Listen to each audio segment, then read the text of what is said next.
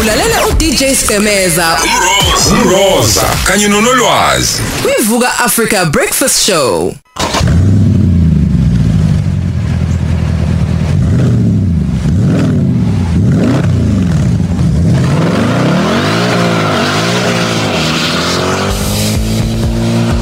Suka amaphepha kusalama pa kalbogis 743 washa!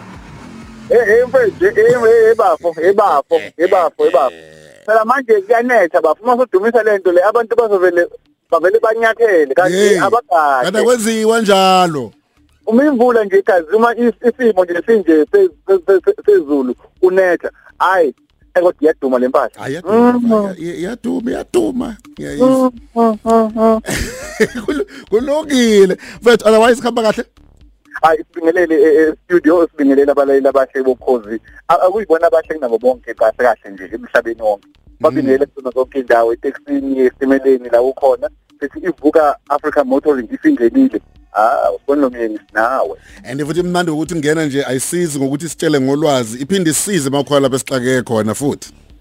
Mfethu yabona eh, kubalekile ukuthi abantu bazi ukuthi ngalesikhathi ethenga imoto eh ihamba kanjani into ngathi yiziphi inhlaka Mm. athintana nazo uma ethenga imoto? Ukuze uma sekukhona okungekahle okuhambayo esenenkinga azi ukuthi ubani enemthintayo and amalungelo akhe kulowo muntu ahamba agcine kuphi.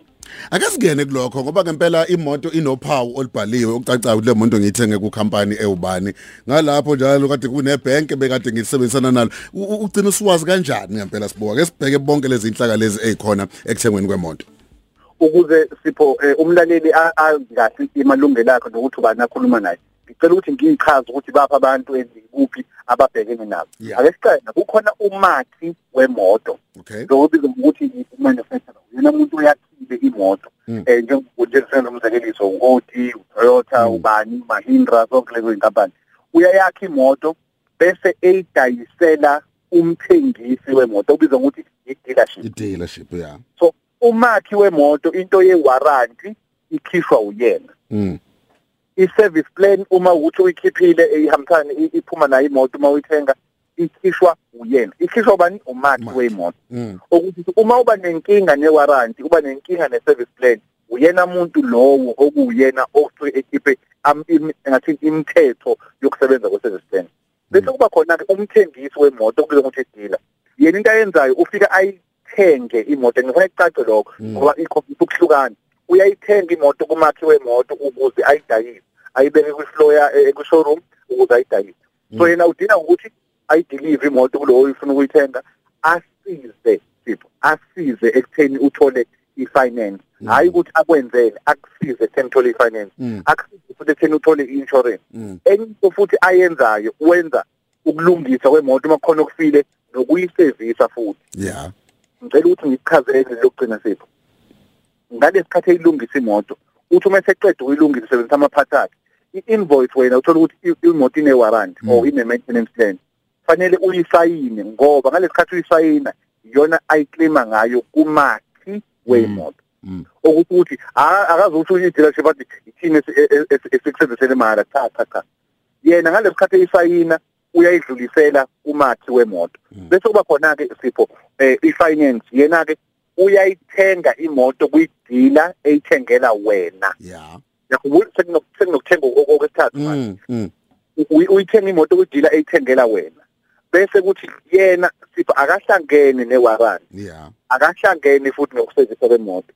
Akahlangene futhi nokufa. Kodwa okubalekile ukuthi ngalesikhathi eyithenga kuba eyakhe imoto until uze uqede ukuyikhokhela. Mm ingakho uma ukuthi uyikhokhelile imoto ayilandwa i-dealership mm imoto ayilandwa ima nokumakhi wemoto ilandwa yibhangi kuphela. Mm umshwalense bese yena abheka indaba ye-risk yokuthi uma uba nengozi ikuphi okwenzakala and lapho sipho kubalulekile ukuthi ukhava izinto ezenzeka emgaqweni noma Yeah. ezenzeka emotweni. Yeah. Lezi izinto ukufa kwemoto i-insurance ayingeni kona ngoba ngibheka into ehambisana nengozi mm naso-ke usipho useyithengile imoto yakhe bese iyafa. Uyahamba emgaqweni ivele icishe imoto. Mm. afonele i-dealership imoto isifile. Mm lesi dealership ibheka lento ihlala isikhuluma ngayo 24 hour roadside assistance. Bese ifonela yona leyo nto leyo ayisangeni dealership once wawafonela leyo nto. Usukhuluma directly nomakhi wemoto. Yeah. so into ingenzakalayo lapho sithi uma ukuthi i-dealership i- ikuphatha ngendlela onga- ongagculisekile a- ayipheli lapho. Uyakwazi ukuyidlulisela kumakhi wemoto ngoba uyena umuntu okhokhela i-warranty uyena umuntu okhokhela i-service plan ngoba kuyenzeka athi umuntu i-dealership ingiphathe kabi imoto yami isihlale khona isikhathi eside angazi kwenzakalani. i- ilokhu idlala ngayo i-dealership ukhumbule amalungelo akho athi uyakwazi ukukhuluma nomakhi wemoto ngoba zikhona ney'namba zakhe. Ufike usho ukuthi lo muntu e- enithe akadilive imoto enithe akangisize ngesevisi akasakwenza umsebenzi. Ngenzeka mhlawumbe kakhulukazi sipho uma kuwubuhlanga uthi akangiphathi kahle ngiyasola ukuthi ingoba nangifuni mhlambe ngimuntu omnyama idlulisele kumakhi wemoto.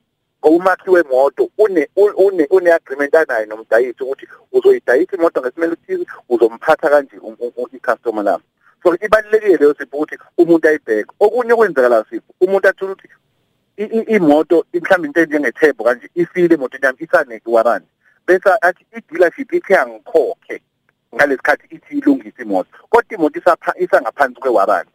Lapho kukhona ubugebengu obenzekayo kwesipho obuke futhi ba- babanjwa. La amadila afike akhokhise um- um- umuntu ohamba ngemoto o- umthengi wayimoto Mm, aphinde akhokhise. amkhokhise ukuthi hayi sikulungiselele khokha naye imali engaka Amka- ngoba ngoba akazi sipho bese yayikhokha leyo mali emva kwaloko bona babuye bafake isicelo sokukhokhelwa Umanufacturer. bekumaki wemoto ngaphansi kwepolicy yewarranty Mm. yilapho la kuba inkinga khona so umuntu agcine sekhokhela into ngempela engamele ayikhokhele ngalo ngaso lesimo so kubalekile sifuthi ukuthi umuntu azi. Kokunye sipho umuntu athola ukuthi imoto eh, isinenkinga ethize. Uyabona ukuthi cha sengiyahluleka Mm. umakhi wemoto akuyabona naye ukuthi akasangenele kahle. Umdayisi wemoto idila akasangenele kahle. Uyakwazi ke siphuthi udlulele u finance ngoba uyakhumbula mtheni imoto eyakhe until uzoceda uyikhokhela Uceda uyikhokhela. ubuyele kuyena uthi yabona imoto oyithengile? Eyokugcina ngqi? Ngokwenonseni Mm. so ngiya- angisakwazi ukuthi ngiqhubeke ngikhokhe i- installment sayo ngoba ayisazenzi ley'dingo lezi bengiyithengele zona.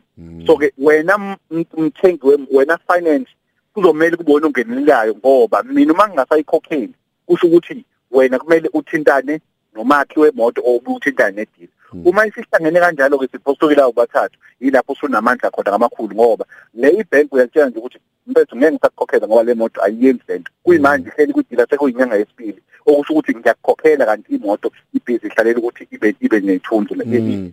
kale uthuli lapha kwe-dealership so kubalulekile and kubalulekile futhi ngizolikhipha nje licace kubantu abamnyama ukuthi benze ngoba ibona abantu abahlukunyezwayo uma kuza Kakhulu. kulento. Mm. esikhuluma iyona ngoba kunaloko ukuthi abazi bese kakhulukazi besifazane abazi bese bayahlukunyezwa. So ke yilapho kubalulekile ukuthi umuntu azi amalungelo akhe ukuthi ikuphi la ngigcina khona uma kuhamba ngento uma nginenkinga yokuthenga kwemoto. Mfethu ngeke siyiqede la ngenxa yesikhathi. Sizokulandela kwinkundla zokuxhumana sibheke ukuthi eh sikuthola kanjani makuthi khona ngifuna ukufuna. But quick one khona ok- ok- okhona esinga- okusichazayo kwi website mfethu amamoto deals abantu bayawazi eh ngesonto ezivile siye sakhuluma nge-Renault Kiger eh yazi ke imoto deals manje imoto le SUV kahle nenjini enesebo ukha 2699 Eh, ukhumbuleke uyakwazi ukuthola i- i- i- izende la la Toyota Mm. right ka 50000 so konke lokho esipho uyakuthola uma u- uxhumana nathi eh ku special phinde futhi special at imotoonline.co.za specials at imotoonline.co.za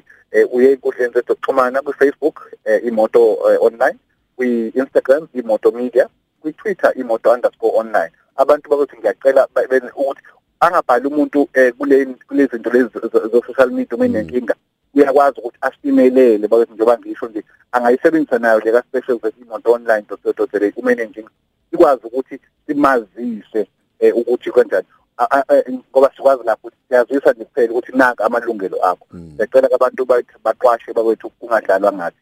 Hlala nathi uhlale uvuka Africa Motoring uhlale nemoto online hamba phambili Danke bafo siboka kamyeni lokho cause FM at motoonline.co.za motoonline.co.za ubheka imininingwane eminingi ku website ungaphinde ubheke ke moto online